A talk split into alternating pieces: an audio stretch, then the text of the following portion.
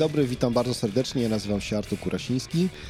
W cyklu podcastów, w których spotykam się z różnego typu gośćmi, e, dzisiaj Adam Isienkiewicz, osoba, która, no właśnie, mały disclaimer, jesteśmy partnerami, jesteśmy biznesowymi e, wspólnikami, w związku z tym ta rozmowa będzie zapewne inna niż e, inne. Cześć Adamie. Cześć, cześć, witajcie. Witaj oczywiście. I będziemy dzisiaj gadali sobie mm, na przeróżne tematy. Mm, pewnie i będziemy mówili o technologii, pewnie będziemy mówili o tym, jak się zmienia świat, o ewolucji, o gwiazdach, e, o tym, dlaczego fajnie jest patrzeć w górę i, i dlaczego ta, ta, te gwiazdy, to niebo jest dla nas takie ważne. E, powiedz mi, Adamie, bo czytałem Twój wywiad z, w Spiders Webie Plus. Mm, tam bardzo dużo powiedziałeś gorzkich rzeczy dotyczących mm, trendów związanych z metaversem. E, I wydaje mi się, że, mm, że ta rozmowa była, była bardzo fajna, dlatego że ona była strasznie długa. E, strasznie dużo tekstu zostało napisanych, napisanego. Nie masz wrażenia, że brakuje inaczej. Czy brakuje ci takich tekstów w, w, w obecnym internecie, w mediach? Wiesz co, zacznijmy od tego, że ja nie mam takiego przekonania, czy, czy dobrze zrobiłem e, udzielając tego wywiadu e, i mówię zupełnie szczerze, bo odbiór jest bardzo różny. E, nie wszyscy są zadowoleni z tego, z tego co powiedziałem. Niektórym się wydaje, że, że to jest jakaś próba powstrzymywania i psucia tego paradygmatu innowacji. W sensie są ludzie, którzy uważają, że nie powinno się o tym mówić. Więc, y, a poza tym, wiesz co, znasz mnie tyle lat, wiesz, że ja, ja jestem trochę symetrystą tutaj w tym, w tym świecie, w tym sensie, że nie jestem zwolennikiem takiego totalnego polaryzowania tych y, dwóch biegunów, czyli e, trend protechnologiczny i antytechnologiczny. E, a w tym wywiadzie mam wrażenie, że to, jak został skrócony, bo on oczywiście jest fragmentem dłuższej rozmowy z redaktorem, mam wrażenie, że i widziałem to już przy autoryzacji, że, że, znaczy, że wychodzę trochę na hejtera technologicznego, a to nie jest prawda. Ale oczywiście zgodziłem się na publikację, ponieważ tak jak już zauważyłeś, trzeba o tym mówić. Znaczy to ciągłe mm, e, mówienie, że e, technologia jest hiperważna i innowacja jest ważna i dlatego powinniśmy jej nie przeszkadzać, prowadzi do wynaturzeń, e, a wiesz, no kiedyś jak sobie siedzieliśmy i klepaliśmy aplikacje na tapczanie, no to nikomu nie szkodziliśmy, przynajmniej nie w dużej skali. No dzisiaj pojedyncze osoby mają nieprawdopodobny wpływ na, e, w wywiadzie powiedziałem chyba miliony ludzi, ale w rzeczywistości pewnie nawet miliardy. I to jest coś, co, co, co, co po prostu mi się nie, nie, nie podoba i dlatego stwierdziłem, ok, niech, niech to idzie, wezmę to na klatę, ten potencjalny hejt, a myślę, że że środowisko krypto e, z ich perspektywy trochę rozumiem jakby to, że nie, nie spodobał im się te, ten wywiad. No, myślę, że jakby ktoś chciał być bardzo wredny, to tam znajdzie bardzo dużo rzeczy, które, które wykorzysta i mm, z Twoich słów może zrobić bardzo, bardzo dużo z, z, wyjąć z nich rzeczy, które są niesamowicie przejaskrawione. Ja starałem się czytać, że tak powiem, mając właśnie na uwadze Twoją historię i to, z jakiego ekosystemu się wywodzisz, co do tej pory zrobiłeś. Ale to oczywiście nie mogłem sobie nie podarować czytania komentarzy pod tym wpisem. No i, i widzę, że często, gęsto możesz udzielić takiego wywiadu, a ludzie i tak będą mieli swoje zdanie chyba nawet nie czytając tego wywiadu za bardzo. I to zdanie oczywiście ma nijak się do tego, co ty tam mówisz. No, no oczywiście, bo większość czyta y, tytuł, i, który oczywiście jest y, bardzo przyjaskrawiony. E, no i czyta pewnie jakiś pierwszy, pie, pierwszy akapity i później czyta końcówkę, więc y, i, i, od razu leci do komentowania. No to jest też kolejna zaraza, która się objawiła nam wraz z, z technologią. I trzeba to chyba trochę zaakceptować. No ale oczywiście, że, że wiele osób będzie z natury nastawiona negatywnie do gości, którzy mówią im, jak mają żyć.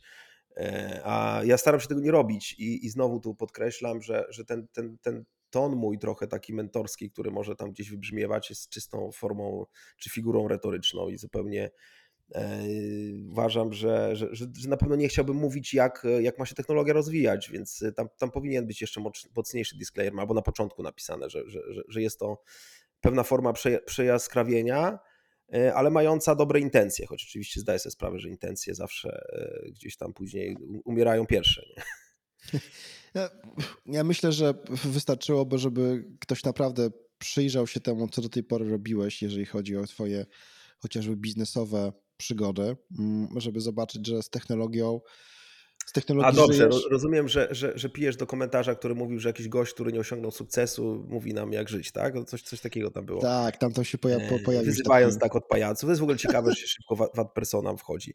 To w ogóle można by, wiesz, rozszerzyć e, kontekst i się zapytać, czym jest w takim razie sukces, bo E, bo w pewnym sensie to może być ciekawe pytanie, czyli jaki, czy musi być Twój sukces, żeby uprawomocnić siebie do, do, do, do, do komentowania na przykład e, technologii. I oczywiście e, tu od razu widać, że dzisiaj ten w świecie krypto sukces jest mierzony e, kasą i, i, generalnie o tym trochę jest ten wywiad, że, że to jest to, taki ten konsumpcjonizm, który E, wypaczył się totalnie przez e, rewolucję krypto, zupełnie nam zamglił wzrok, więc, e, więc myślę, że nawet gdybym był noblistą z jakiejś istotnej dziedziny, kto, kto by napisał taki artykuł, to i tak pewnie by mi powiedzieli, że, że gówno wiem, bo, no bo przecież nie, nie, nie zrobiłem super kryptowaluty, która nie zarobiła miliarda, czy tam 50 miliardów, czy iluś tam. Nie? A poza tym to zauważ, że, że ludzie też nie, nie, nie widzą, nie czują tej, tego fluktuacyjnego cyklu E, nawet ten, e, jak on się tam nazywał, ten od Terra Luny, Don Kong czy Kwong, czy jak on Don tam. Kwong, tak. E, no bo zobacz, dzisiaj, dzisiaj też jest jakby przegrany, prawda? Więc, więc w sumie patrząc na to, że jeżeli mi się jakieś biznesy nie udały, no to, no to taki gość też nie powinien być autorytetem, prawda? A jednak wszyscy go gdzieś tam nadal patrzą na niego jak na idola i to jest trochę przerażające.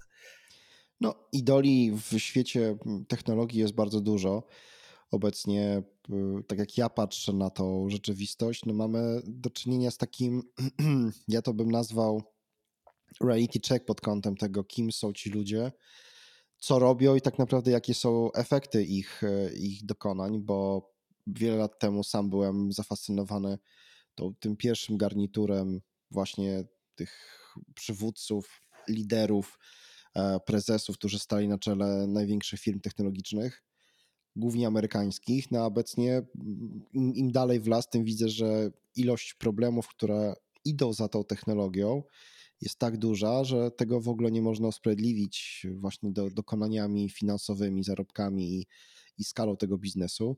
E, a no dokładnie, szczególnie w, nowych technologiach, gdzie jak wiesz, ten bullshit faktor jest przeogromny. No, no właśnie, mamy, jestem, jestem świeżo po, po obejrzeniu trzech seriali, które mniej więcej mówią o tym samym, czyli e, We Crash, historia WeWorka, Super Pump, czyli, czyli Uber, no i e, serial, który się nazywał, Chryste teraz zapomniałem, natomiast był serialem o Dropout, o Elizabeth Holt, tak? Mamy przykłady trzech spółek, które w ogóle nie działają w tej samej branży, ale łączą te tak, wszystkie modus seriale... operandi jest bardzo zbliżony.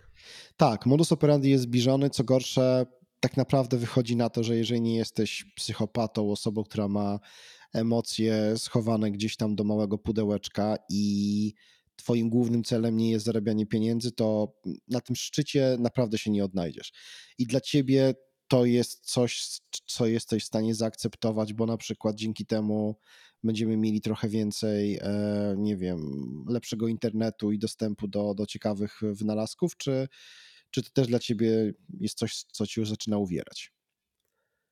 Co, no właśnie, ten, ten, ten czynnik tego hustlingu i, i, i tego foundera, który nie jest do końca normalny, bo jak wiesz, ja często podkreślam to, że, że, że generalnie my przedsiębiorcy, szczególnie nowotechnologiczni, nie jesteśmy normalni. Y, oczywiście różnimy się tylko skalą te, tej aberracji, y, ale o, takie osoby są absolutnie y, czy to, to czynnikiem minimum, który, który musi wystąpić, ponieważ w dzisiejszym ekosystemie e, innowacji, podkreślam poza światem nauki, która jest super istotna w innowacji, ale jest zupełnie jakoś po macoszemu traktowana w mainstreamie, to bez takich osób nikt się nie zainteresuje skalowaniem biznesu, takim skalowaniem rozumianym przez fundusze. Mm, z tego względu, że trzeba by się zastanowić, co jest produktem w początkowej fazie. I, I, jak się głębiej przyjrzeć pod maskę, to bardzo szybko dojdzie się do wniosku, że, że produktem wcale nie jest to, co wytwarza startup czy firma, tylko produktem są udziały e, jako takie i spekulowanie na ich wartości przez właśnie ten czynnik e, hiperwzrostu. Więc to oznacza, że, że trochę nam się zmieniają e, priorytety i bez, bez hustlera nie da się spekulować na udziałach. Po prostu. Znaczy, musi być hustler, który przekona bardzo dużą ilość ludzi do tego, że, że e, ta, to, to, co chce zrobić, jest absolutnie wspaniałe, rewolucyjne. I to, czy faktycznie ma do tego kompetencje i, e, i w ogóle jakiekolwiek e, narzędzia, żeby to zrealizować, już staje się sprawą wtórną i to brutalnie widać wszędzie i, i, i dookoła. Jeszcze nie oglądałem tego trzeciego serialu, o którym powiedziałeś i czekam na Disneya, bo chyba on będzie w Disneyu, popraw mnie, jeżeli się mylę.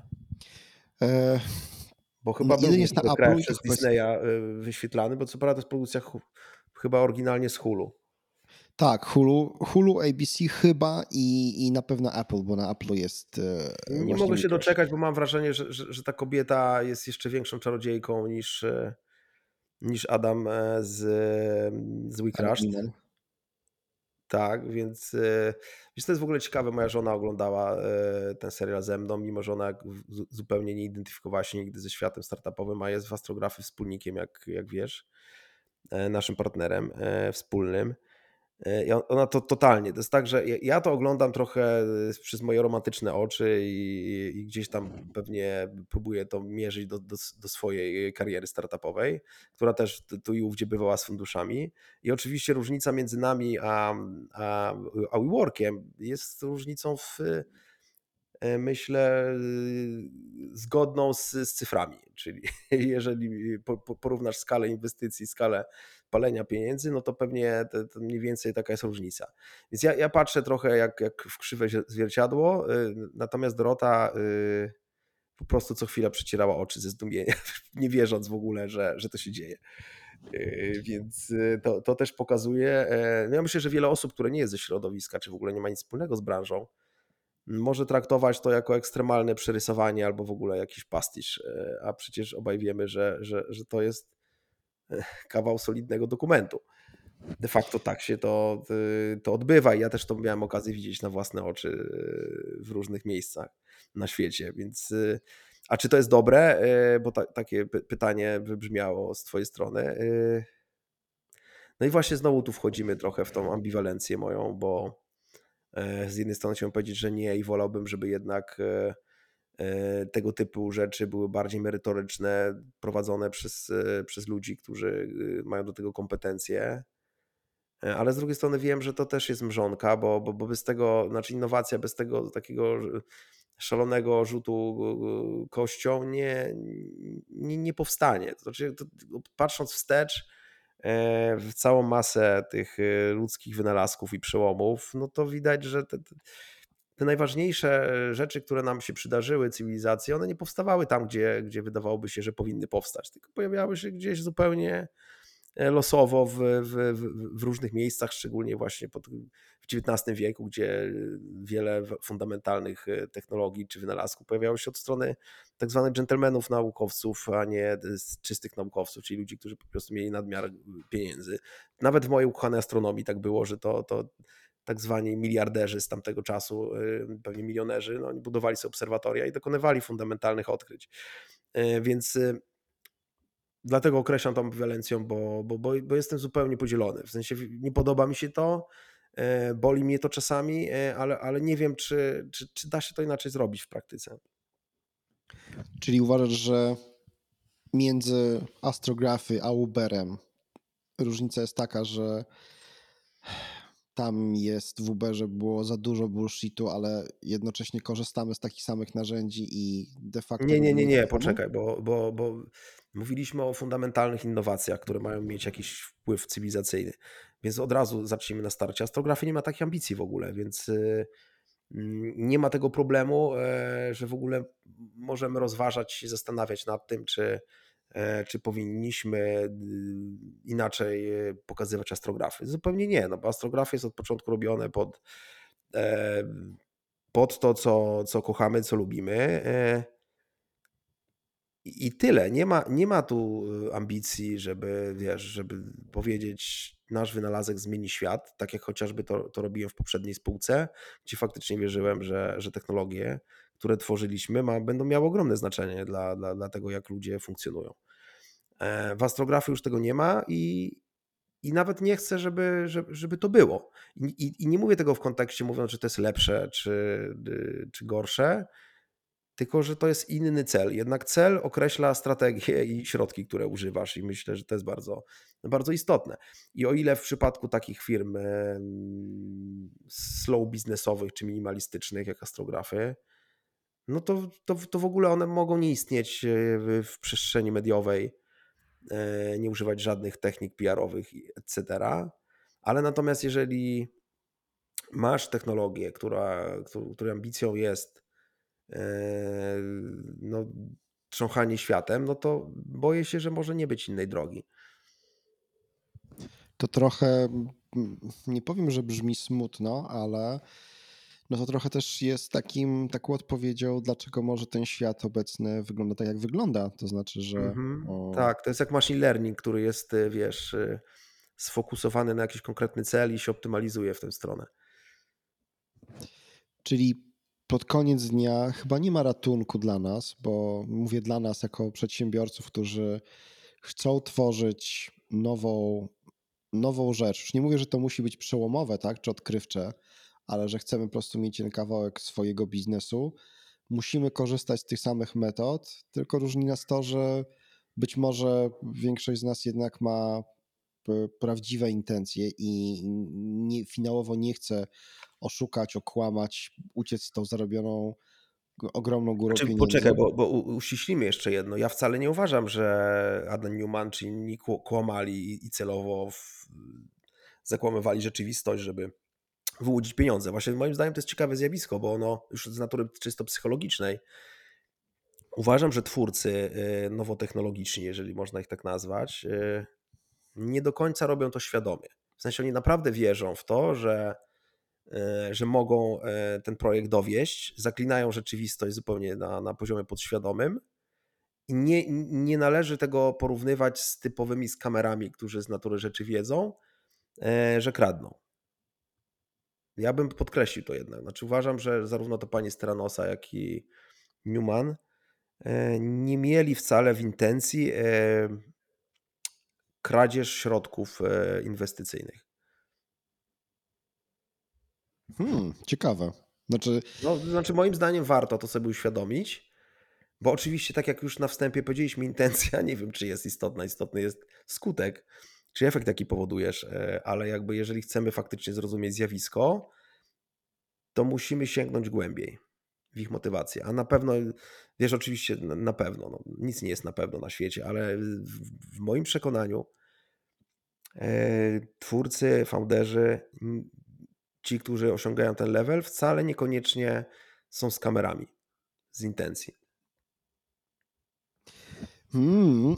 Znaczy, słyszałem takie głosy, że Elizabeth Holmes będzie strasznie ciężko udowodnić to, że działała wyrafinowanie i od Bo ona nie, początku. nie działała wyrafinowanie w rozumieniu takim, że Yy, oczywiście według mnie podkreślam, że, że po prostu celowo kłamała, żeby wyłudzić pieniądze. Nie, to jest tak, że absolutnie wierzysz w swój cel i próbujesz wykorzystać każde możliwości, które masz na, na stole. I, i, i, I to zaginanie czasoprzestrzeni, o którym się często mówi wśród y, founderów, polega na tym, że, że po prostu wierzysz w cel i, i, wie, i jesteś przekonany, że jeżeli uwierzy w to odpowiednio duża ilość osób, to to się ziści. I czasami to się udaje. I to jest właśnie ten, ten paradoks, że, że, że bez tego zaginania czasoprzestrzeni nie da się osiągnąć y, wielkich celów. Musimy w to uwierzyć. To tak jak w mojej branży, chociażby misja Apollo, które przecież na starcie tego projektu wydawały się irracjonalne. Ale ktoś jednak krzyknął i powiedział: OK, zrobimy to. Okej, okay, ale wiesz co, no, w historii Tyranosa jest ten moment, w którym Elizabeth Holmes, wiedząc, że nie jest w stanie zbudować rozwiązanie, które obiecała rynkowi, kupuje istniejącą technologię od bodajże Siemensa i no, oszukuje wszystkich wokół, że jej, e, jej e, robot, czy też urządzenie, które ona sobie zbudowała i jest w stanie, że to się nazywało Edison, bo oczywiście to musiało mieć nawiązanie do jakiegoś genialnego wynalazcy w historii, że po prostu oszukiwała swoich e, partnerów biznesowych i, no i wszystkich, również przede wszystkim pacjentów, którzy byli badani. Te wyniki były mało, w, no nie były skalibrowane. No i efekt jest taki, że ludzie dostawali fałszywe E, fałszywe e, diagnozy.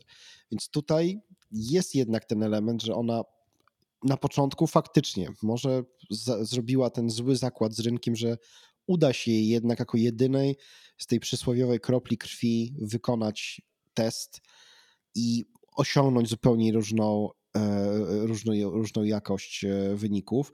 Natomiast potem już zaczęła widzenie tunelowe i jechała w, w tym E, w tą sprawę zupełnie bez trzymanki, więc... E, no to, to oczywiście, bo wiesz, znowu wracając, mówiliśmy o intencjach, e, no ale później jak myślę, że w tym, tym ostatnim etapie, no to już jak wiesz, jakieś sygnały do twojego mózgu dochodzą, że, że, że to się nie uda w tej perspektywie czasu, którą, którą potrzebujesz, żeby, żeby dojechać do skończenia pieniędzy chociażby. Więc zaczyna się improwizacja. Choć pewnie nadal, wiesz, występuje to zjawisko zaginania czasoprzestrzeni i, oszukiwania się, że e, to sztandarowe hasło startupowe fake it till you make it jest, y, jest okay, bo z jednej strony to, to zdanie powinno być piętnowane, a jednak jest postrzegane, jak wiesz, y, dosyć pozytywnie, a na pewno nie pejoratywnie. No nie jest, no, jest no, brane na sztandary. Można powiedzieć, że jest kwintesencją jakby tego duerstwa innowacyjnego. Mhm. Zobacz, tak. większość startupów AI-owych, które y, nie wiem, próbowały generować lidy chociażby, czy całą masę rzeczy robić takich zastępujących ludzi. Na początku, zanim uzyskiwali bardzo duże finansowanie, to sadzali 300 osób, które udawało to, znaczy zastępowało AI białkiem i, i, i to też było niby normalne, nie? Nikt się nie dziwił, fundusze dawały na to pieniądze. Bo już zrobili trakcję, wiesz, sprzedażową, więc w takim razie, wiesz, już może teraz będą w stanie coś tam zrobić automatycznie. W wielu przypadkach się to nie udawało oczywiście i też nikogo to nie, nie, nie bolało. Mhm. Skoczmy teraz w, w przestrzeń, w kosmos. Mm, przy okazji artykułu Krzyśka Domrackiego dla, e, dla Forbesa, Krzysiek zapytał mnie, czy ja pamiętam, kiedy myśmy no, we dwójkę rozmawiali po raz pierwszy o astrografy. I powiem Ci szczerze, że miałem z tym ogromny problem, dlatego że mi się to wszystko zaczęło zlewać jakąś jedną taką już mm, bardzo dużą opowieść i nie byłem w stanie tego momentu mm, gdzieś na, przynajmniej na swoim timeline zaznaczyć. Jak, jak to wyglądało u Ciebie? Czy Ty pamiętasz, kiedy z tego morza różnych projektów, e, które robiłeś kilka lat temu, ta myśl gdzieś się zaczęła wyrywać na wolność, że chcesz zrobić tylko jedną, jedną dużą teraz e, spółkę, czy po prostu spółkę i to będzie właśnie sklep, którym będzie sprzedawał swoje zdjęcia, które robiłeś przez wiele lat, no i że, że to może być biznes, który no, może na siebie zarobić. Zlewa się y, pewnie dlatego, że to nie jest przykład biznesu, który powstał jako idea po spotkaniu dwóch gości, którzy chcieli zrobić jakąś firmę i usiedli przy lampce wina i zaczęli zastanawiać się, ok, chcemy zrobić startup, to wymyślmy coś, co możemy robić. Nie? No tu na przykład teraz AI jest modny, no to może AI, no ale nie znamy się na AI, no, no ale to kogoś znajdziemy, jakiegoś co-foundera, to może coś tam, może coś tam. Więc jak wiesz dobrze, tu nie było tego zjawiska w ogóle, czy tego fundamentu. tylko to jest coś, co, co, co było ze mną od ponad 20 lat e, na bardzo różnych poziomach, e, też tych większych, bo chociażby Astropolis.pl, e, czyli największa pewnie w Polsce społeczność taka horyzontalna, czyli całkowicie autonomiczna. Ma już prawie właśnie 20 lat, więc chyba w następnym roku będzie obchodziła dwudziestolecie. Więc to nie jest nic nowego. Próby, moje próby wsadzenia, znaczy nie wsadzenia, tylko takiego połączenia mojego życia zawodowego z, z pasją pojawiały się wcześniej.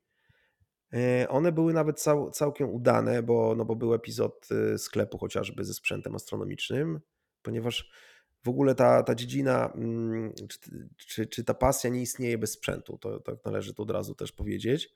Więc z tej perspektywy to jest całkiem dobry pomysł. E, więc y, ten sklep wypalił całkiem nieźle.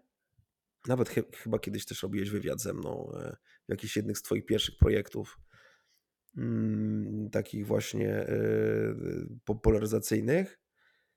E, tylko, że ja wtedy miałem jeszcze dwie inne firmy, więc zupełnie nie, nie, nie mogłem się skupić na, na, na tą działalnością, więc później ją po prostu rozpuściliśmy.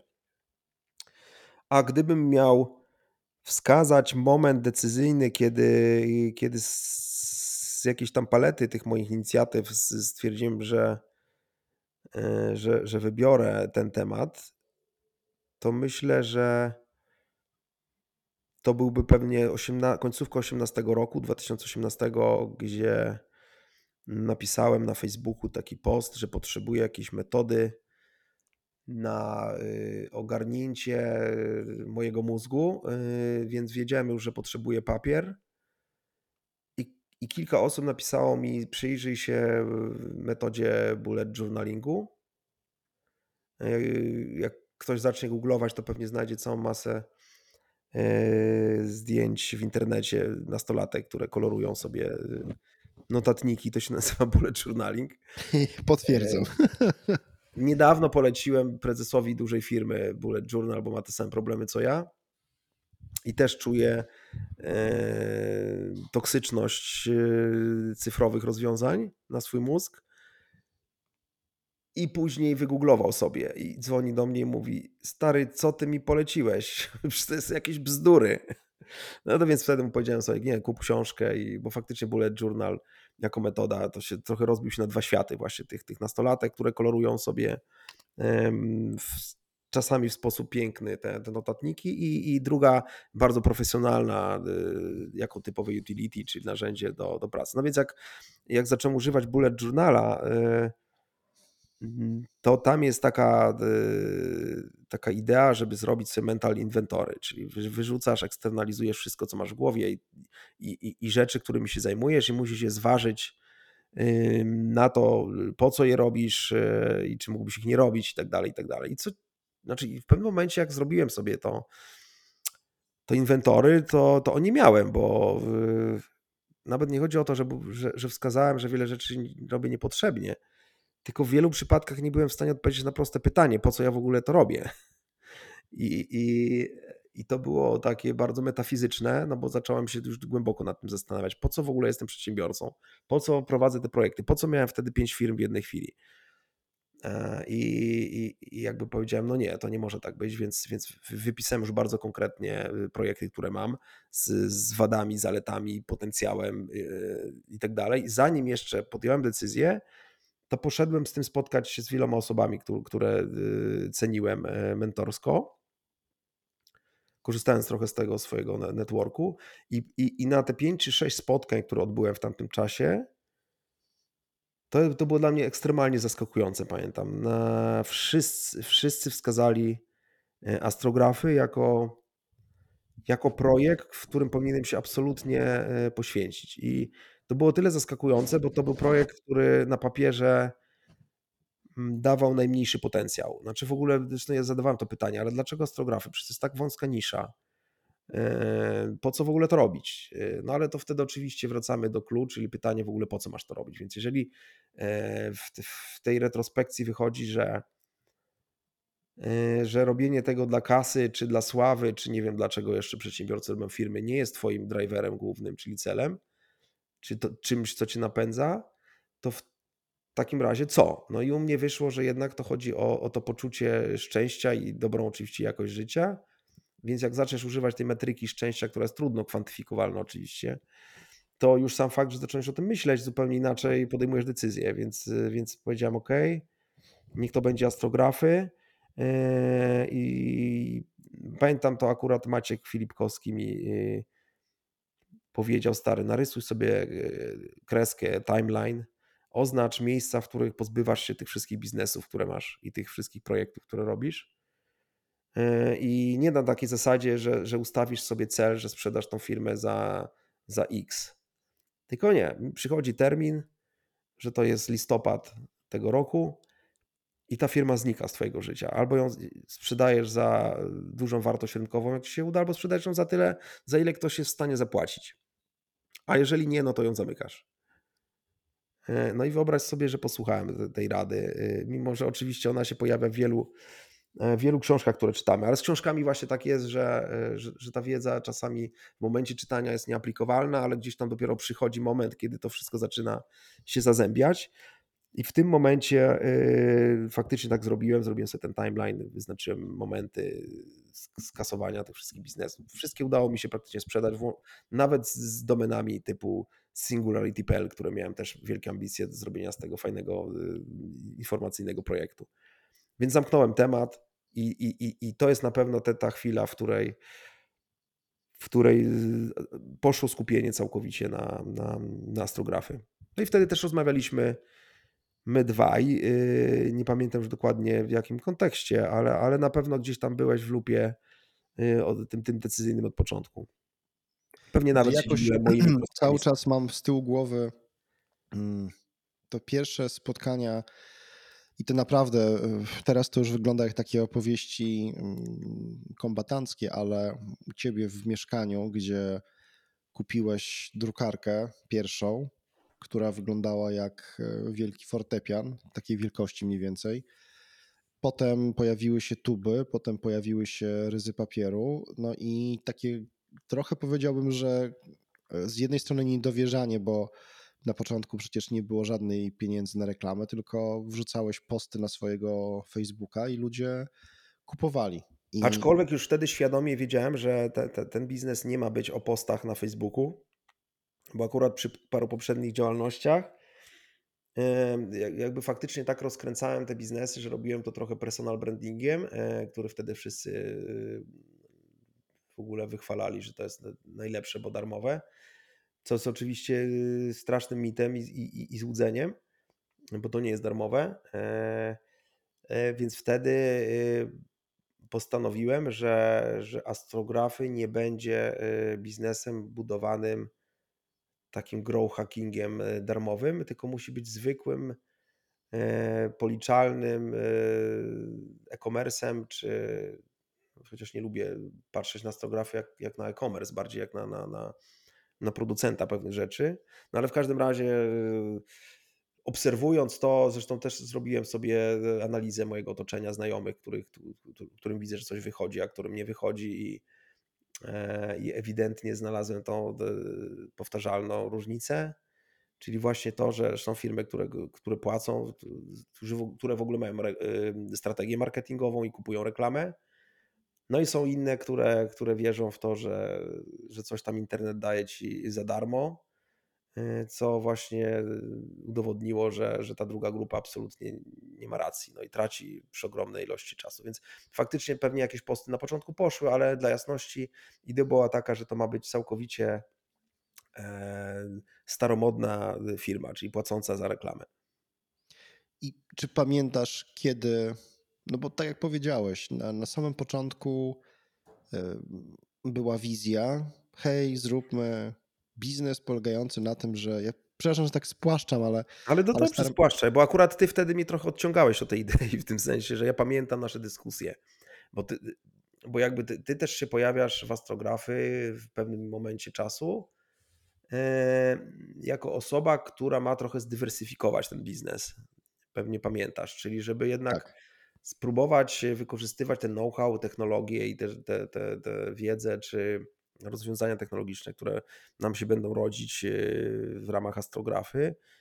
E, więc y, sam e, zasiewam w sobie pewnie pod wpływem Twojego influensu, że, że kosmos może być jednak zbyt małą niszą. I to jest ten strach pierwotny, który już miałem w momencie podejmowania decyzji, że, że skupię się na astrografy. Więc mówię, ok, ja się skupię na astrografy, ale w takim razie jest potrzebny ktoś, kto, kto dobuduje tą prawdziwą część biznesu, bo przecież kosmos nie da nam możliwości zarabiania, chociaż takiego, żebyśmy, żebym ja mógł się z moją żoną utrzymać. No i paradoks tej sytuacji polega na tym, że Yy, że jak, jak na pewno pamiętasz, kosmos był w zasadzie jedyną rzeczą, która nam dobrze wychodziła wtedy. Dokładnie. To jest ten paradoks. Więc jakby, gdyby chcieć się do tego przygotować i zaplanować i, i zważyć te rzeczy, nie sercem w tym wypadku, tylko matematyką, to nie zrobilibyśmy kosmosu.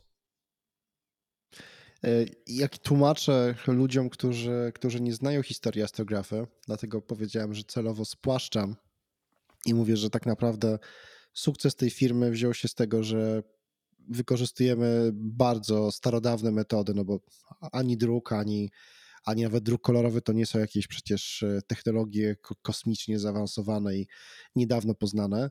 Nadrukowujemy na kartkach papieru kolorowe rzeczy za pomocą tuszu i dodajemy do tego olbrzymią cenę, marżę i to sprzedajemy w sklepie internetowym. Nie lekceważ, proszę cię, papieru i atramentu, bo przypominam, że pieniądze tak powstają. Dokładnie, tylko że chodzi mi o to, że nie produkujemy, wiesz, zaawansowanych leków, nie musimy mieć No tak, ale znowu powtarzam, banknot. Banknot to jest papier i, i atrament, więc jeżeli do, do tego da się stworzyć wartość, to, to do innych rzeczy też się da zrobić. Oczywiście tak trochę ironizuję, ale z drugiej strony, jak, jak te wydruki wychodzą z, z drukarek, to mój mózg już jakby widzi, widzi, że to jest właśnie papier i atrament, więc, więc to jest banknot. No, ciężko, ciężko się nie zgodzić, bo faktycznie dokład, dokładnie można do tego samego plakatu dołożyć wartość X i Y. W przypadku astrografy może. No szkoda, że nie możemy po prostu tych 100 dolarówek drukować, więc byłoby nie prościej. I sprzedawać, no, je za, słuchaj, i sprzedawać je za 50 dolarów. No, to jest typowo startupowe podejście. Kupmy 100 dolarów i sprzedawajmy za, sprzedajmy za 50. No na pewno będzie parę, trakcja. Pewnie parę osób, które nas słucha, mm, e, mogłoby się nie zgodzić, bo chyba to by wykraczało jednak poza przyjęte ramy prawa, ale faktycznie biznes pewnie można byłoby na tym robić nieziemski. Mm, czy pamiętasz ten moment, kiedy, kiedy po pierwsze byłeś pewien, że astrografy już będzie się toczyło w dobrą stronę i że spokojnie możesz powiedzieć sobie, że ten rozterki właśnie, które próbowałeś sobie w jakiś sposób zoptymalizować za pomocą bullet journal i w ogóle spotkań i, i rozmów z mentorami, że, że jesteś na, na właściwej ścieżce. Hmm. Trudno powiedzieć, bo ten proces był bardzo szybki wtedy. To pewnie parę miesięcy od razu było widać, że, że, że, to będzie wystarczające do tego, żeby się z tego utrzymać. Ja przez to też, że sprzedałem poprzednie firmy, miałem jakąś sensowną poduszkę finansową, która, która pozwoliła mi na, na, na, na nie skupianie się za bardzo na zarabianiu w astrografy, e, czyli nie było takiej potrzeby. E, pojawił się przecież jeszcze CD Projekt, wtedy pierwsze kontrakty, e, które też wygenerowały jakieś źródło przychodów. I na pewno był taki moment, kiedy zdziwiłem się, i on wystąpił bardzo szybko, że, że przychody z astrografy zaczęły być większe niż, niż CD Projektu a to wydawało się, że to będzie bardzo odległy punkt w czasie. E, I wtedy też zrobiłem taką bardzo dużego Excela, bo jakkolwiek nie będziemy romantyzować sobie tego biznesu, że on jest taki lekki, przypadkowy i frywolny, to fakt też jest taki, że on był bardzo dobrze policzony. W sensie od początku ta dyscyplina e, pilnowania kosztów produkcji, próba skwantyfikowania każdego elementu tego biznesu i przełożenia go na Excel, ten nudny Excel, którego startupowcy nie lubią, E, ona, ona, ona była bardzo, na bardzo wczesnym etapie zrobiona i co więcej, była właśnie dla nas tym, e, tą autostradą, która gdzieś tam została wytyczona. E, I, i, I to, co mnie na pewno w tym przekonaniu, że to ma sens, utwierdziło, to że przez praktycznie dwa lata pokrywały się te, te forecasty czy predykcje z rzeczywistością. Czyli inaczej mówiąc, e, zakłamaliśmy rzeczywistość do tabelki, nie odwrotnie. Choć wiem, że, że często, często jest odwrotnie. No tak, to... To, to, to było pewnie pojedyncze miesiące. No, z perspektywy tych, tych kilku lat to, to się gdzieś tam skleiło e, w, w, bardzo krótki okres, powiedzmy jednego kwartału, ale na pewno przychody, jak wiesz, były od, od day zero, nawet nie, nie day one. To jest niesamowite, bo ja mm, ponownie powiem, że ilekroć mówię astrografy, to wystrzegam się i strasznie się wewnętrznie cenzuruję, aby nie mówić o tym, o tej spółce jako o startupie, dlatego że właśnie przez to, że chociażby po pierwsze w ogóle nie myślimy oni przez perspektywę, a to ktoś musi dołożyć do niej pieniądze, żeby ten pomysł został zweryfikowany, plus to, o czym chcę z Tobą teraz porozmawiać, to jest kwestia wizji rozwoju, bo wielokrotnie y, Ty powtarzałeś, mi też się to, to zaczęło udzielać i, i zacząłem to też w jakiś sposób wyznawać, że ten bootstrapowe podejście, budowa biznesu bez tej szprycy kasy od wisików, których lubimy, cenimy, tak, ale, ale że to jest zupełnie gdyby inna kategoria rozwijania i budowania swojego, e, swojej firmy. Powiedz mi, czy tobie się ostatnio coś zmieniło, czy nadal jesteś e, raczej osobą, która, która jest e, skoncentrowana na tym, żeby budować spółkę typowo w sposób taki właśnie organiczny? No więc od razu znowu disclaimer na początku. Znaczy moje podejście i to, jak ja, ja postrzegam te dwa różne paradygmaty, nie, nie wynika z tego, że, że uważam, że którakolwiek z tych ścieżek jest zła lub dobra, tylko bardziej, jeżeli już mam mówić, czym, co, co ze mną nie rezonuje, to jest właśnie to, co już powiedziałem wcześniej, że, że nie, nie, nie identyfikuję się z budowaniem firm, w których wartością czy produktem jest, y, jest equity czy udziały, które którymi spekulujemy ich, ich wartością. Uważam, że to wprowadza wtedy bardzo, z mojej perspektywy, y, zły y, punkt optymalizacji, bo wtedy wszystko pod to podciągasz. Nawet to, jak tworzysz produkty dla konsumentów, to wtedy nie patrzysz już tak do końca. Priorytetem dla ciebie nie jest ta wartość, którą dostarczasz klientowi, tylko jednak wartość, yy, którą wykreuje po stronie udziałów. Wydaje się, że to powinno być totalnie zbieżne, i, i, i koherentne, a jednak w rzeczywistości tak nie jest. Że to są jednak zupełnie dwie, dwie, dwie ścieżki. ja jestem zwolennikiem tego, żeby, żeby budować firmy, e, albo inaczej, ja chcę budować firmy, których produktem jest to, co oferują i sprzedają klientom swoim. A, a, a to, ile warte są udziały, zupełnie nie ma znaczenia i, i jak wiesz, może z dwa razy przez ten okres czterech lat czy trzech w ogóle się zastanawialiśmy nad tym, ile astrografy mogłoby być warte. W ogóle tak. nie, nie dyskutujemy. W moim Excelu nie, nie ma nawet tej, tej zakładki, która by pró, pró, próbowała ewaluować w jakikolwiek sposób te nasze y, działania. Ale oczywiście, ale z drugiej strony są ba, bardzo dokładna y, cena produktu, ile wynosi koszt, koszt produktu, y, jak, na co on się dzieli i tak dalej. To są dla mnie ciekawe cyfry, więc dlatego, kiedy patrzę na, na, na bootstrapping, to on z natury rzeczy, przez to, że masz, jesteś w ciągłym deficycie kapitału, to pozwala ci skupić się, znaczy nawet nie to, że pozwala, znaczy on absolutnie na tobie wymaga, bo to jest, y, to jest ciągłe gonienie na krawędzi przepaści, więc nie masz marginesu na, na prowadzenie takich bardzo frywolnych eksperymentów z tak zwanej ciekawości albo własnego ADHD biznesowego. Czyli możesz podejmować tylko jedynie takie decyzje albo wybierać takie decyzje, które dają ci największe prawdopodobieństwo zwrotu y, z tych decyzji. I to paradoksalnie oznacza, że w tych pierwszych powiedzmy trzech latach e, takiego startupu masz absurdalnie dobrze wytworzony ten product market fit, który jest absolutnym kluczem do funkcjonowania każdego biznesu. I to jest coś, co się wytworzy samo.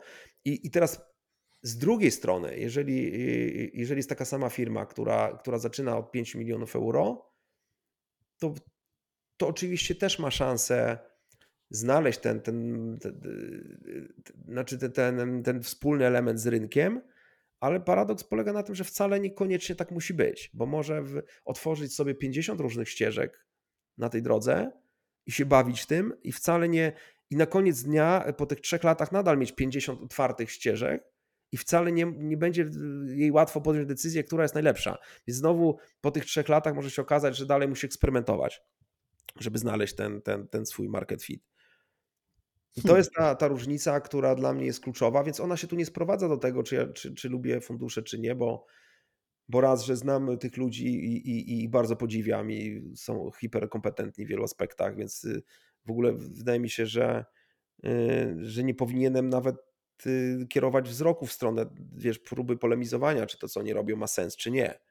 Bardziej mi chodzi o to, że, że tak jak powiedziałem, we mnie rezonuje ta ścieżka naturalnej ewolucji produktu, szczególnie na początku. I to jest też kolejny paradoks, który może wybrzmieć w moich słowach, ponieważ rynek uważa, że pieniądze powinieneś brać na, na, na początku. Mm, a ja uważam, że właśnie na początku ten, nadmiar pieniędzy y, oznacza, że, że możesz bardzo y, przegapić wiele istotnych szans, które ci się pojawią, czy które będziesz musiał followować w przypadku, czyli którym podążać y, w przypadku firmy, którą utrzymujesz z pieniędzy klientów. Więc dla mnie to jest właśnie naturalna wartość bootstrappingu. Oczywiście podkreślam, Zdaję sobie sprawę, że po pierwsze nie każdy y, może mieć taki komfort, żeby, żeby budować firmę ze swoje pieniądze czy za pieniądze klientów, bo na przykład może mieć pomysł na produkt, który, dla którego jeszcze nie istnieje rynek jako taki, więc, więc nie sprzeda go od dnia pierwszego. Będzie musiał ewangelizować przez. Ja zawsze lubiłem to powiedzenie, że w 3 lata. Nam, nam startupowcom wydaje się, że za 3 lata już to wszystko wszystko będzie jak trzeba, a prawda jest taka, że znowu patrząc w historię, potrzebujemy na to co najmniej 10 lat. Jeżeli dzisiaj produkt nie ma rynku, to licz się z tym, że, że masz maraton na 10 lat. I teraz znowu przekładając to, jeżeli żyjesz w tej części świata, e, szczególnie w takim czasie jak dzisiaj, to absolutnie nie wierzę w to, że da się to zrobić.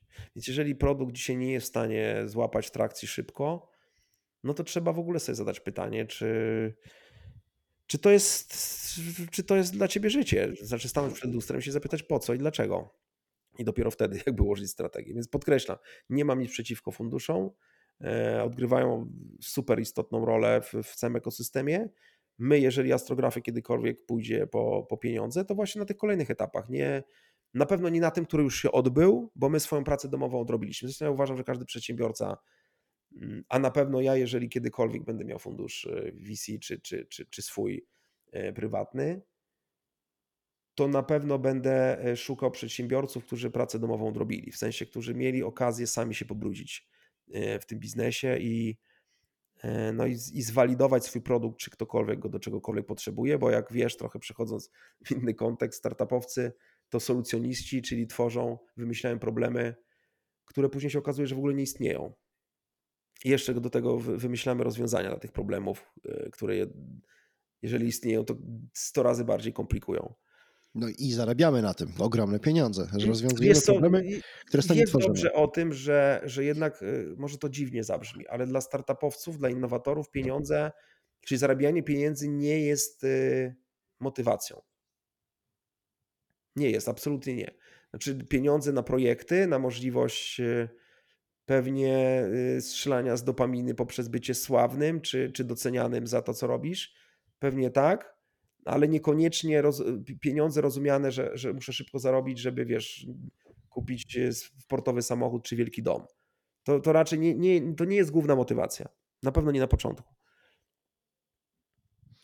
Okej, okay, znaczy ja powiem na swoim przykładzie, że się z tym zgadzam, bo jakbym miał podsumować ilość czasu inwestowanego w różne rzeczy, które uważałem za to, za, za, za takie, które mogą się e, zmienić coś fajnego, to na pewno pieniądze nie były tutaj tym podstawowym. No myślę, że gdyby pieniądze były celem, to zupełnie inaczej byś swoje decyzje życiowe układał przez te ostatnie 20 lat. I by, znaczy, pewnie kiedyś... finansowo wyszedłbyś dużo lepiej na to.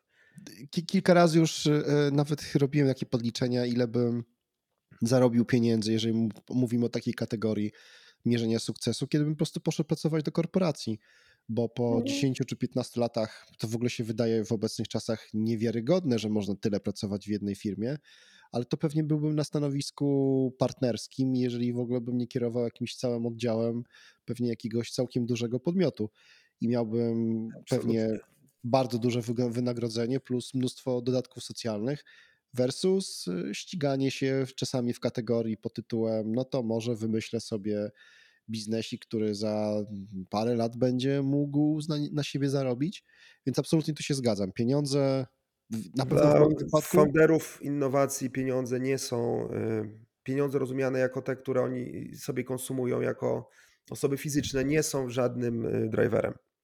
No właśnie, nas co innego podnieca. My jesteśmy inaczej skonstruowani. Nasza nasz ten ośrodek przyjemności jest drażniony zupełnie innymi bodźcami i być może dzięki temu ten świat wygląda tak dziwnie, że, że, że niektórzy w ogóle patrzą na nas i myślą sobie, Chryste Panie, co ci goście tak ciągle i ciągle tam próbują... Ja przepraszam, że ci przerwę, bo, bo, no. bo stracę ten... A może tu chodzi o to właśnie, że to jest megalomania, czyli y, founderzy, founderów nie, nie interesuje zarabianie 100 y, tysięcy miesięcznie, tylko oni muszą zarabiać miliard. i dlatego gardzą drobniakami. Teraz tak nawiązuje trochę do, do We Crushed czy, czy, czy, czy innych seriali. Może tu jest ten problem, że, że pieniądze są driverem, ale nie, ale nie drobniaki. Może tak być. Mm, to znaczy, na pewno no, ten rynek jest tak skonstruowany i ten świat, tak powiem filozoficznie, że no jednak ten sukces mierzymy za pomocą ilości zer na koncie. Więc y, tak, no dla nas dwóch może wyniki astrografy są bardzo fajnym i motywującym e, elementem, a pewnie dla Adama Neumana czy, czy, czy Elizabeth Holmes raczej to były kwestie podboju, nie wiem, jednej trzeciej branży medycznej albo z właśnie zmiany zupełnie sposobu, w jakim, jakim się poruszamy i zarabienia dzięki temu e, miliardów, dziesiątków, czy jak nawet setek miliardów dolarów. To jest ciekawe, to pewnie jakieś prace naukowe już powstały mm, i, i pewnie są jakieś wnioski. Ja nigdy do tego nie dotarłem, jeżeli chodzi o taką e, warstwę mm, badań naukowych, ale patrząc, co się dzieje w naszym środowisku, w naszym, mam nadzieję, mam, że, że mi wybaczycie wszyscy, y, którzy uczestniczą w tym startupowym piekiełku, no to, że jednak jesteśmy tutaj skoncentrowani tak naprawdę na, na, na pośrednio na robieniu dużych rzeczy, ale tak naprawdę każdy z nas ma swojego hopla i próbuje to w jakiś sposób y, uzewnętrznić. E, powiedz mi, Adamie, bo tak, astrografia się rozwija prężnie, pomimo tego, że mieliśmy pandemię, teraz mamy inflację, wojnę w Ukrainie i pewnie w najbliższych kilku miesiącach pojawią się zupełnie nowe zagrożenia. E, pamiętam, jak rozmawialiśmy w okresie, w którym dowiedzieliśmy się, że zaczyna być problem z przesyłkami i Poczta Polska przestała świadczyć usługi i trzeba było kompletnie zdefiniować na nowo kwestię mm, kosztowo, jeżeli chodzi o, o oparcie tej infrastruktury, o, o kurierów e, czy ty uważasz, że spółki takie mniejsze właśnie jak astrografy e, mają w swoim DNA umiejętność przetrwania, czy to wywodzi się raczej z jakiegoś takiej umiejętności, nie wiem, reagowania szybkiego na rzeczy, które się dzieją? To znaczy, czy, czy my jako przedsiębiorcy mali e, z natury będziemy mieli taką potrzebę do, do wiesz, cięcia kosztów, do trzymania wszystkiego przy serduchu, żeby mieć, wiesz, świadomość tego, gdzie na coś są te pieniądze wydawane? Czy to raczej jest tak, że po prostu reagujemy sprytnie, ale to jest, to jest reakcja na, na, na, na wydarzenia? A czy to nie jest przypadkiem tak, że po prostu te małe, minimalistyczne firmy e, mają dużo łatwiej? No bo jednak, jeżeli nie masz całego tego zaplecza kosztów dużych, e, a warto tu podkreślić, że astrografia od początku jest trzymane w w okropnej dyscyplinie, jeżeli chodzi o, o, o, wydawanie y, pieniędzy, no to wiesz, jeżeli nie masz tego dużego y, zaplecza, no to, to przetrwasz w zasadzie każdy, y, każdą wojnę. Bo możesz nawet na chwilę wyłączyć firmę i nic się wielkiego nie stanie. Oczywiście dzisiaj będzie trudniej, ale, ale nawiązując do tamtych czasów, wtedy, kiedy wszystko robiliśmy sami, nie mieliśmy wtedy jeszcze chciałem powiedzieć pracowników jednego chyba już mieliśmy, ale generalnie wszystko robiliśmy sami. No to więc y, możesz trwać w nieskończoność. I to jest w ogóle też kolejna y, ekstremalnie istotna dla mnie cecha y, tego typu firm, że jeżeli masz, są, są cashflowowo pozytywne, to masz bardzo długi okres, no powiedzmy nieskończony, choć oczywiście to, to, to jest utopijne słowo, ale bardzo długi okres czasu na, na eksperymenty albo na, na przetrwanie w przypadku yy, kryzysu.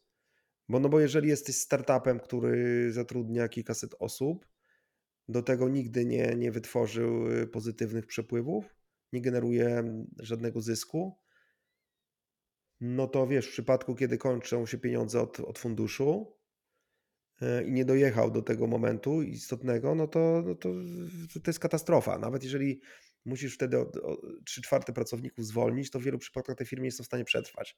Już chociażby z tego względu, że że zarząd, założyciele i, i, i reszta są tak zmęczeni tym tematem i, i, i zgwałceni przez rzeczywistość, że, że jedyne co pragną, to, to jak najszybciej zapomnieć o tym i, i zamknąć temat. No i oczywiście wtedy przychodzi też kolejna zła rzecz, że jednak te, te, te, te spółki ZO czy, czy, czy inne e, organizacje prawne na świecie wcale nie tak łatwo się, się likwiduje. Więc masz kolejny okres jakby traumy. Więc y, ja osobiście y, ekstremalnie jestem wdzięczny za, za możliwość prowadzenia takiej firmy, która nie obarcza mnie stresem związanym z pozyskiwaniem nowych środków, bo uważam, że to jest też taka tajemnica Poliszynela albo temat tabu w branży, czyli koszt emocjonalny yy, ciągłego fundraisingu. Ale to sorry za, za dygresję, bo pewnie to jest zupełnie inny wątek. Nie, no słuchaj, bardzo, bardzo jest, jest ciekawe.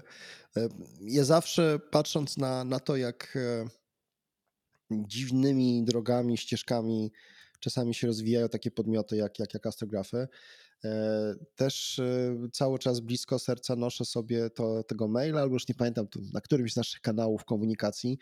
Kiedyś mi podesłałeś taką rozpiskę wzorowaną, e, rozpiskę związaną z przyszłością astrografy, wzorowaną na mało znanym, a moim zdaniem bardzo, bardzo się źle e, dzieje, że jest to niedoceniane, bo, bo to jest naprawdę kawał niezłego wizjonerstwa, takiemu rysunkowi, który zrobił Walt Disney, patrząc w przyszłość całego koncernu Disneya. Wiesz o czym mówię? O takim twoim tak. masterplanie astrografy. No taka mapa myśli. Albo znaczy struktura przepływu Y, wartości licencji i tak dalej, którą on kiedyś narysował. Y, wiesz co, z jednej strony to może oczywiście brzmieć megalomańsko, że, że ktoś chciałby się tu porównywać do Disneya, ale wiesz, no po pierwsze to, że, że staramy się budować y, bardzo powoli tę firmę i, i tak z dużą pokorą i, i, spokojem, to wcale nie oznacza, że, że po pierwsze, że, jest, że, jest, że nie jesteśmy ambitni, E, bo, bo to nie jest prawda I, i, i czasami ten argument się pojawia w dyskusjach właśnie VC versus y, bootstrapping, że jeżeli masz duże ambicje i chcesz się szybko rozwijać, to, to VC, a jak, a właśnie, a, jak nie ma, a, a z drugiej strony jak nie masz ambicji, to, to robisz normalną firmę. E, bałbym się patrzeć na nas jak na ludzi bez ambicji. Raczej y, to jest tak, że, że, że wierzymy, że ta ścieżka będzie właśnie nasza bardziej ambitna. I tak jak już wspomniałeś e, o tej mapie, E, astrografy jest super ambitne, e, tylko że wie, że, że, pewne e, kroki musi wykonać samodzielnie i musi się tego nauczyć. A poza tym, jednak, jeżeli robisz, budujesz firmę dlatego, żeby być szczęśliwym człowiekiem, to jednak nie możesz przekraczać tej granicy komfortu za bardzo. Ja wiem, że to znowu jest niemodne, co teraz powiem, bo wszyscy ci radzą, wiesz, przekraczać granice komfortu dzień w dzień i o 5 kroków. Wychodzić tak ze swojej strefy komfortu. Tak, ja uważam, że, że to jest straszna rada i ciągłe funkcjonowanie poza strefą komfortu to jest to prosta ścieżka do, do pewnie stryczka, który sam sobie założysz. Znaczy tak się nie da żyć na dłuższą metę. E, oczywiście ludzie mają różną wytrzymałość e, na tego typu obciążenie i presję Jedni pewnie się skończą w pół roku, inni skończą się w, w 10 lat. A może, a, a, może są ludzie, którzy się nigdy nie skończą i to są te, te, te, te totalne jednostki. W każdym razie ja nie chciałbym tak żyć. Więc, więc te, z tej perspektywy um, uważam, że y, chcę funkcjonować na granicy komfortu, przekraczając go jednym krokiem E, ale nie więcej. E, I, i, I, tu się dobrze czuję. Zresztą dzisiaj robimy rzeczy, które gdybym próbował zrobić na samym początku, a oczywiście miałem to w planie, no to bym żył w permanentnym stresie. A dzisiaj to robimy i w ogóle nawet tego nie odczuwam. Więc moja, moja hipoteza jest taka, przynajmniej dostosowana do, do, do mojego mindsetu, że, że, że ja muszę kroczyć na granicy, czyli na bardzo małym, małym, na lekkim deficycie, e, a nie na, na wiesz, na takim to, totalne, na totalnej dźwigni. O, może to jest dobra analogia. Mhm. E, I, i, i, I, idąc taką ścieżką, ona nie, ona nie jest właśnie nieambitna, nie tylko, tylko bardziej spokojna i budująca twardsze fundamenty i każdą to, to, tą warstwę. Ale naszym celem, e, czy moim też marzeniem e, prywatnym jest astrografy, które w ogóle dotyczy kosmosu jako takiego. Jak pamiętasz na tej kartce to jest bardzo rozbudowany ekosystem przepływu kontekstu kosmicznego, bo, bo dzisiaj ludzie oczywiście widzą astrografię jako, jako postery czy sztuka na ścianę, ale absolutnie na, moją ambicją nie jest drukowanie plakatów, tylko bardziej bycie firmą, która, która dostarcza w cudzysłowie, dostarcza kosmos do, do, do, do mainstreamu, czyli, czyli będziemy kim, w przyszłości kimś pomiędzy zwykłymi odbiorcami, zwykłymi takimi, którzy nie są zaangażowani w kosmos, a, a, a światem nauki, czy, czy światem eksploracji kosmosu, który jestem przekonany wystartuje w nieprawdopodobnym tempie, bo on dzisiaj dopiero co robi małe podskoki, ale w najbliższych pięciu latach to, to będzie o, o, ogromny wiatr w żagle. No i my chcemy być kimś, kto, kto dzisiaj czerpie, albo inaczej mówiąc, ta kultura kosmiczna dmucha mu w, w żagle, ale w przyszłości chcemy tworzyć tą kulturę kosmiczną. I to jest ekstremalnie szeroki temat, e, bo w zasadzie, e, jeżeli komuś się wydaje, że, że, że produkty kosmiczne to jest bardzo wąska nisza, ale sam wpadałem w taką pułapkę na początku, myśląc o tym, że to jest wąska nisza, to pragnę zauważyć, że chociażby y, osoby, które noszą t-shirty, bluzy czy dresy z, z logiem NASA, to jest jedna z kategorii produktowych, która jest na naszej mapie też. Więc, y, więc y, te produkty mogą być bardzo różne, ale zawsze muszą mieć ten, ten kontekst kosmosu. Konkretów uważam, że nie ma sensu mówić, bo też się nauczyłem tego, że nie warto mówić o, o tym, co chcemy zrobić. Warto się chwalić tym, co już zrobiliśmy i, i nie chciałbym w tą startupową też czy retorykę wpadać. Czyli za rok polecimy w kosmos, zbudujemy rakietę i stworzymy, i ludzkość będzie e, cywilizacją multiplanetarną. No możemy sobie taki claim zrobić. Ale Dobrze. wolałbym nie. Wywołałeś do tablicy mojego ulubionego bohatera, twojego też, tylko że my często się o niego spieramy każdy z nas ma, ma inne zdanie. To jest piękne. Pięknie się, pięknie się różnimy na, na tle rozważań. Tak, no tu się kłócimy wściekle, no to prawda. tak, drzemy koty, ty krzyczysz, że, że, że to jest świętość, ja mówię, że, że oczywiście mówimy o Ilonie Masku, jeżeli się jeszcze nie zorientowaliście. Mm -hmm. Dla ciebie ten człowiek jest, e, no, masz bardzo dobry background i bardzo dużo informacji też naukowych związanych z astronomią, z astrografią. Powiedz mi, e, jak Twoim zdaniem w ciągu najbliższych lat, powiedziałeś też, że astrografy jest firmą, która będzie korzystała z tego boomu związanego z. Znaczy już korzysta. Już korzysta, tak. Czy, czy w takim razie faktycznie my będziemy zaraz sprzedawali plakaty, wiesz, z powierzchni Marsa? Dolecimy tam? To jest, to jest coś, co, co jest mrzonką? To jest taki właśnie fake it till make it? Czy to jest coś, co musimy zrobić jako, jako rasa ludzka, żeby, żeby pozostać właściwie jeszcze w grze, no i nie zginąć? Yy, odpowiadając najkrócej, jak się da, absolutnie tak, yy, bo, bo dzisiaj ta, te misje marsjańskie to już nawet to nie jest poziom technical issue, tylko bardziej kwestia e, procesów e, związanych z wykonaniem tego. Mm, wiemy dokładnie, jak to zrobić e, i, i jakie kroki po, po drodze trzeba zrobić, więc o ile jeszcze kilka lat temu mo, można by fantazjować, czy to jest prawda, czy nie, znaczy, czy to jest w ogóle w, w zakresie wykonania, i takie, takie dyskusje, pamiętam, były na przykład na Astropolis, czyli na tej mojej społeczności, gdzie ludzie, którzy byli bardzo głęboko mm, osadzeni w ogóle w, w, w, całej branży eksploracji kosmosu, y, uważali, że, że to jest niewykonalne. W sensie, że, że to jest facet, który ma poronione pomysły, jest chory psychicznie i że to jest fanaberia miliardera. To oczywiście od razu podkreślam, to nie było 5 lat temu, tylko kilkanaście lat temu. Y, i więc wte, wtedy można było mówić, że mamy, że, że, te grupy są podzielone na ludzi y, doświadczonych i myślących versus wyznawcy religii pewnej, czyli y, y, taki ludzie myślący życzeniowo. Dzisiaj zmieniło się o tyle, że, no, że ten facet, chociaż ja też nie lubię mówić ten facet z tego względu, że że to jednak są ogromne zespoły interdyscyplinarne i oczywiście on je firmuje, ale, ale to jest dużo bardziej skomplikowana kwestia. Ale załóżmy, że jeżeli potrzebujemy persony, która faktycznie jest tym, tym, to, tym elementem flagi, no to, no to powiedzmy, że on.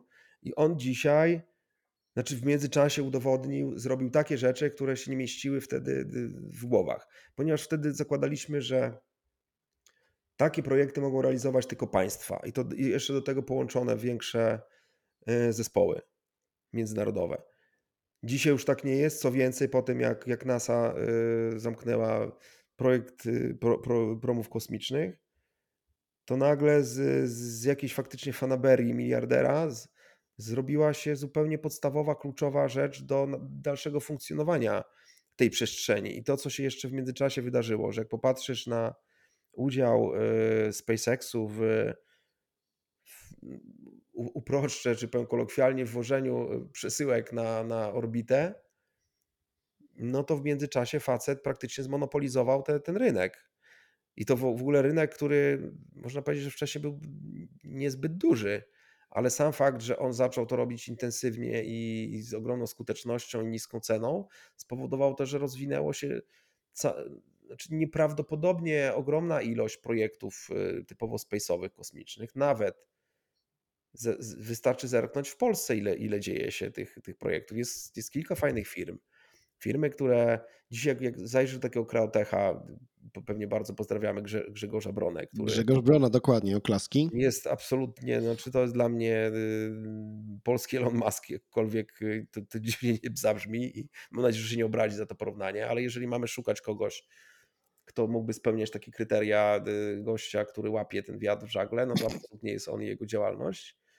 Kreotechu, więc oni, wiesz, no to, to nawet jakbyś popatrzył na strukturę osób, które zatrudniają, to są ludzie, którzy dzisiaj e, wiesz, no projektują payload, czyli to, co, jak ma tam być wkładane. Jeżeli wymyśliłbyś sobie, że chcesz wysłać satelitę w kosmos, to możesz pójść do Kreotecha i ci w zasadzie zbudują cały proces. Na to jeszcze do tego mają osobę, która weźmie telefon i zacznie obzwaniać e, e, firmy wożące towar na, na orbitę za ile, wiesz, ile, ile ten bilet yy, w cudzysłowie kosztuje i za ile ci ten towar wywiozą. Więc, więc to jest coś, co, co absolutnie wcześniej nie istniało w ogóle.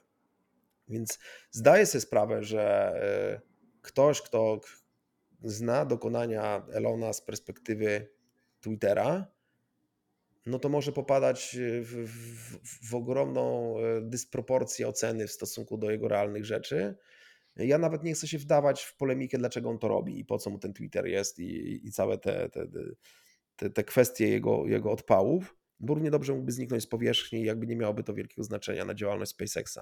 Więc ja znowu z, z drugiej strony nie, nie, zupełnie nie, nie, nie followuję tych jego zdarzeń e, z tej przestrzeni e, poza merytorycznej, więc z, od, od strony z kosmosu to, co zrobił, już, jak, y, mówiąc nawet w czasie przeszłym, to, to, no to jest rzecz epokowa i można powiedzieć milenijna.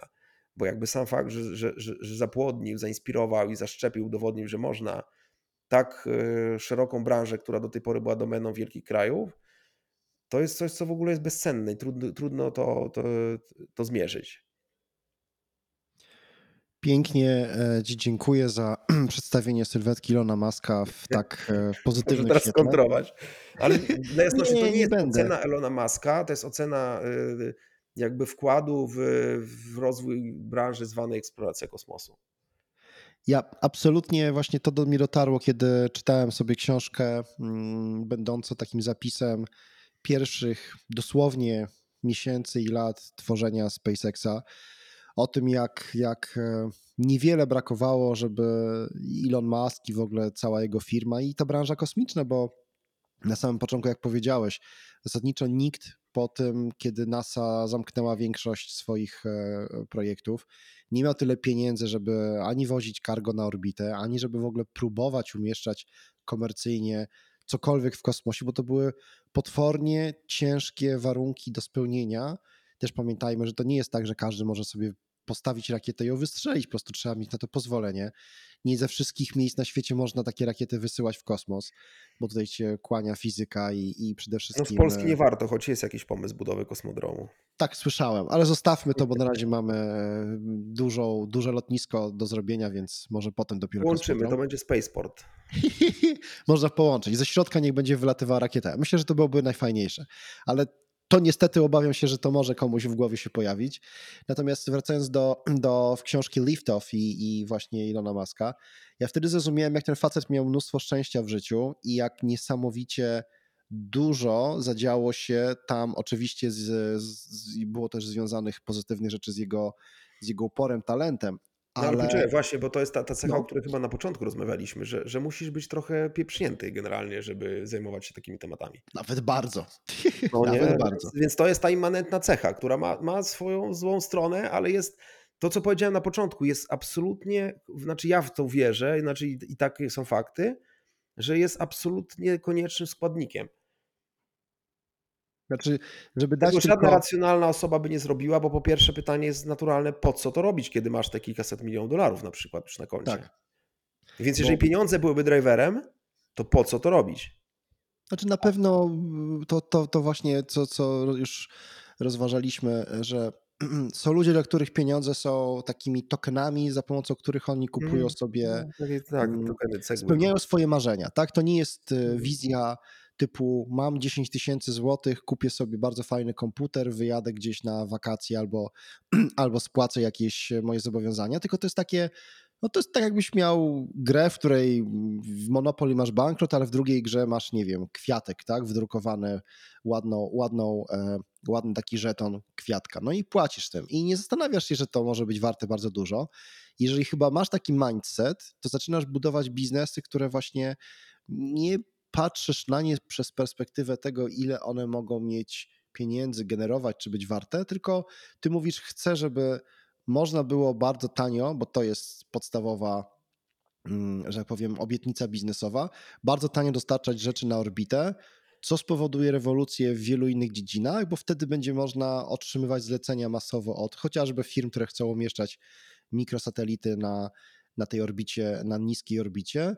No i pewnie się też dzięki temu uda za chwilę wskoczyć trochę dalej, czyli na Księżyc. No a jak już będziemy na Księżycu, no to mamy rzut beretem prawie, że dosłownie do Marsa, więc absolutnie zrozumiałem jedną rzecz, że, że właśnie należy potępiać e, Maska za to, co robi przy SpaceXie, chociaż jestem bardzo ciekaw Twojego zdania, bo bo czytam, że twoje koleżanki i koledzy z branży właśnie astronomiczno-astrograficznej no mają problem z tymi pociągami satelitów e, starnikowych, które trochę zaczynają zaśmiecać niebo. Jak to wygląda? Na ile to jest fakt medialny taki, że to jest hejt na Maska, bo, bo wypada, a na ile to jest y, po prostu prawda? Mm, zaraz Ci odpowiem na to pytanie, ale jeszcze, jeszcze chciałbym jedną rzecz y, nawiązać do poprzedniego pytania, jeżeli pozwolisz. Mhm.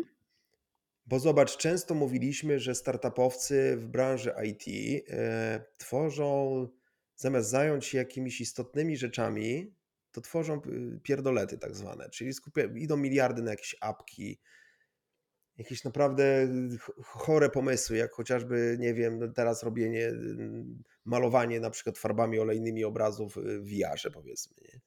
E, I, i, i, cała masa różnych pomysłów, koncepcji. I, trochę mieliśmy pretensje, że po tym wielkim złotym wieku e, innowacji, czyli mówię tu o XX, nagle te ogromne miliardy zaczęły płynąć na, na, na strasznie banalne rzeczy. I zobacz, nagle pojawia się Elon, który zaczyna faktycznie inwestować w takie, w takie ciężkie, y, dwudziestowieczne pomysły. Czyli zobacz, energia, baterie, loty w kosmos i tak dalej, więc czy, czy, czy samochody elektryczne właśnie.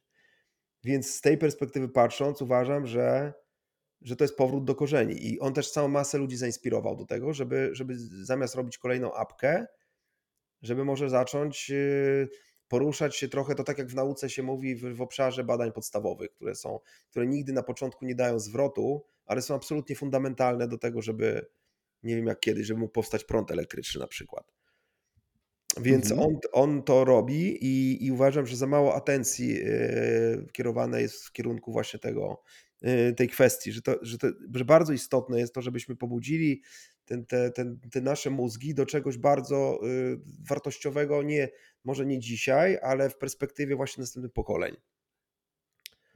No więc jakby, a wracając do, do, do, do, do ostatniego pytania, czy, czy jego te, te, te łańcuszki latające po niebie są aż takim problemem? Wiesz co, w jakimś na pewno są problemem, ale na pewno też nie aż takim, jak, jak się to rysuje, dlatego że po pierwsze one, one są tak efektowne, y, kiedy są zaraz wypuszczone z, z autobusu, orbitalnego, ale później po pierwsze one jeszcze nie, nie są na tej swojej orbicie, więc one używają silników, które jonowo, które świecą, więc z natury rzeczy są bardziej widoczne.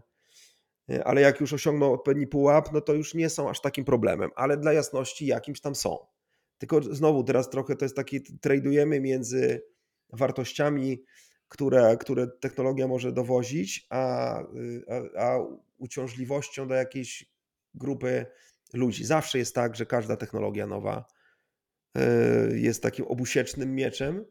Z jednej strony komuś coś daje, z drugiej strony zabiera. I wtedy w ogóle moglibyśmy odwrócić, czy zmienić kontekst dyskusji i, i zacząć w ogóle gadać, czy, czy my potrzebujemy więcej technologii, czy nie. Bo moim zdaniem to o tym jest ta, y, ta dyskusja. Tym bardziej, że jeszcze nawiązując do tej, tej mojej podstawowej metryki związanej ze szczęściem, to też nie jest tak, że, że więcej technologii, więcej internetu, więcej wszystkiego, czy w ogóle cały ten kilkusetletni nasz bieg y, w stronę rewolucji technologicznej, czy to jest tożsame z tym, że jesteśmy bardziej szczęśliwi. To w ogóle dzisiaj chyba wiemy, że, że to, to wcale się nie łączy ze sobą. Więc z tej perspektywy ja osobiście, y, jak wiesz, jedna część serca mówi, że super, że chcemy więcej technologii, że internet jak będzie dostępny w każdym miejscu na Ziemi szybki, to będzie fajnie, ale z drugiej strony z każdym z każdą dekadą mojego wieku zadaję sobie te pytania, czy, czy, czy naprawdę to jest to aż tak ważne? Nie wiem, tru, trudne pytanie. To na zakończenie, czy uważasz się za tech optymistę, czy tech realistę? Czyli osobę, która kojarzy, y, kojarzy, mm, korzysta z technologii, buduje ją, e, korzysta z niej w tym sensie, że tworzy na niej, na, na, za jej pomocą też biznesy i zarabia na tym, ale jesteś świadomy jej zagrożeń i błędów, czy po prostu jesteś takim, wiesz, mm, człowiekiem, który mówi, kurde, technologia jest w stanie rozwiązać wszystkie nasze problemy.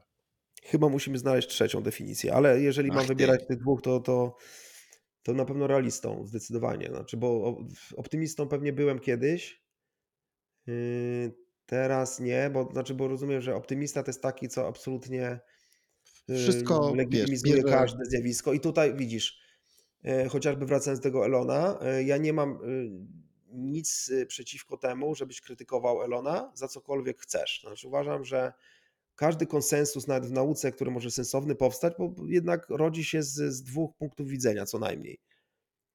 Więc nie jestem przeciwnikiem optymistów. Tak samo wolałbym, żeby optymiści nie byli przeciwnikami tych sceptyków, może nawet lekko tak zabarwiając bo nie, ponieważ uważam to chociażby jak ta kwestia tego mojego wywiadu ostatniego, gdzie, gdzie dosyć mocno e, krytykuję niektóre technologie, czy w ogóle cały trend, e, to jest tak, że trzeba o tym mówić. Więc mój racjonalizm tu jest, polega na tym, że wiem, że bardzo mi się podobają nowe technologie, tak jak chociażby uwielbiam VR i widzę w tym ogromny potencjał, co niekoniecznie oznacza, że uważam, że wciśnięcie nam metaversum jako takiego będzie dla nas dobre. Tak samo jak z social media widzę wiele korzyści, bo sam na tym skorzystałem, ale, ale nie mogę nie widzieć, co, co zrobiły e, te media z, z głowami ludzi e, w skali takiej społecznej, szerokiej. Tak samo będzie z, z, z metaversem. Dokładnie. Znaczy on da całą masę fajnych rzeczy, ale koszt będzie taki, że w ogóle to, to, to wyrwanie nas, nas, ludzi z rzeczywistości, a zobacz, że wszystkie odpowiednio zaawansowane technologie mają to na celu. Czyli chcą nas zabrać z tej rzeczywistości, odkleić od niej i skupić na czymś innym, bardziej wirtualnym. I to robią dzisiaj smartfony chociażby. Przecież de facto smartfony są już takim metaversum, yy, w które jakby się zanurzamy. VR da jeszcze większe zanurzenie, ale każde zanurzenie, każde odpięcie nas od rzeczywistości to jest taka walka z naszym e, ukształtowaniem ewolucyjnym które trwało, jak wiesz, miliony lat, a nie ostatnie 20.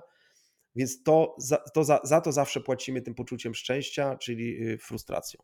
I to mnie przeraża, to widać w social media, to widać e, w, w we wszystkich zaawansowanych y, projektach internetowych, że ludzie, którzy się od tego uzależniają, są w fatalnej kondycji e, psychicznej.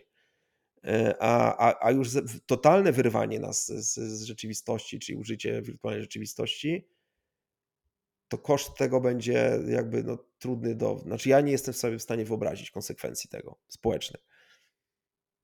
Zastanawiałem się i e, nie wiem, czy to jest dobry termin, ale na pewno jest nośny i kontrowersyjny. myślę, że tech symetrysta. Bo, bo sceptyk to chyba niedobre, nie? Bo sceptyk to oznaczałoby, że jest całkowicie przy, przeciwny.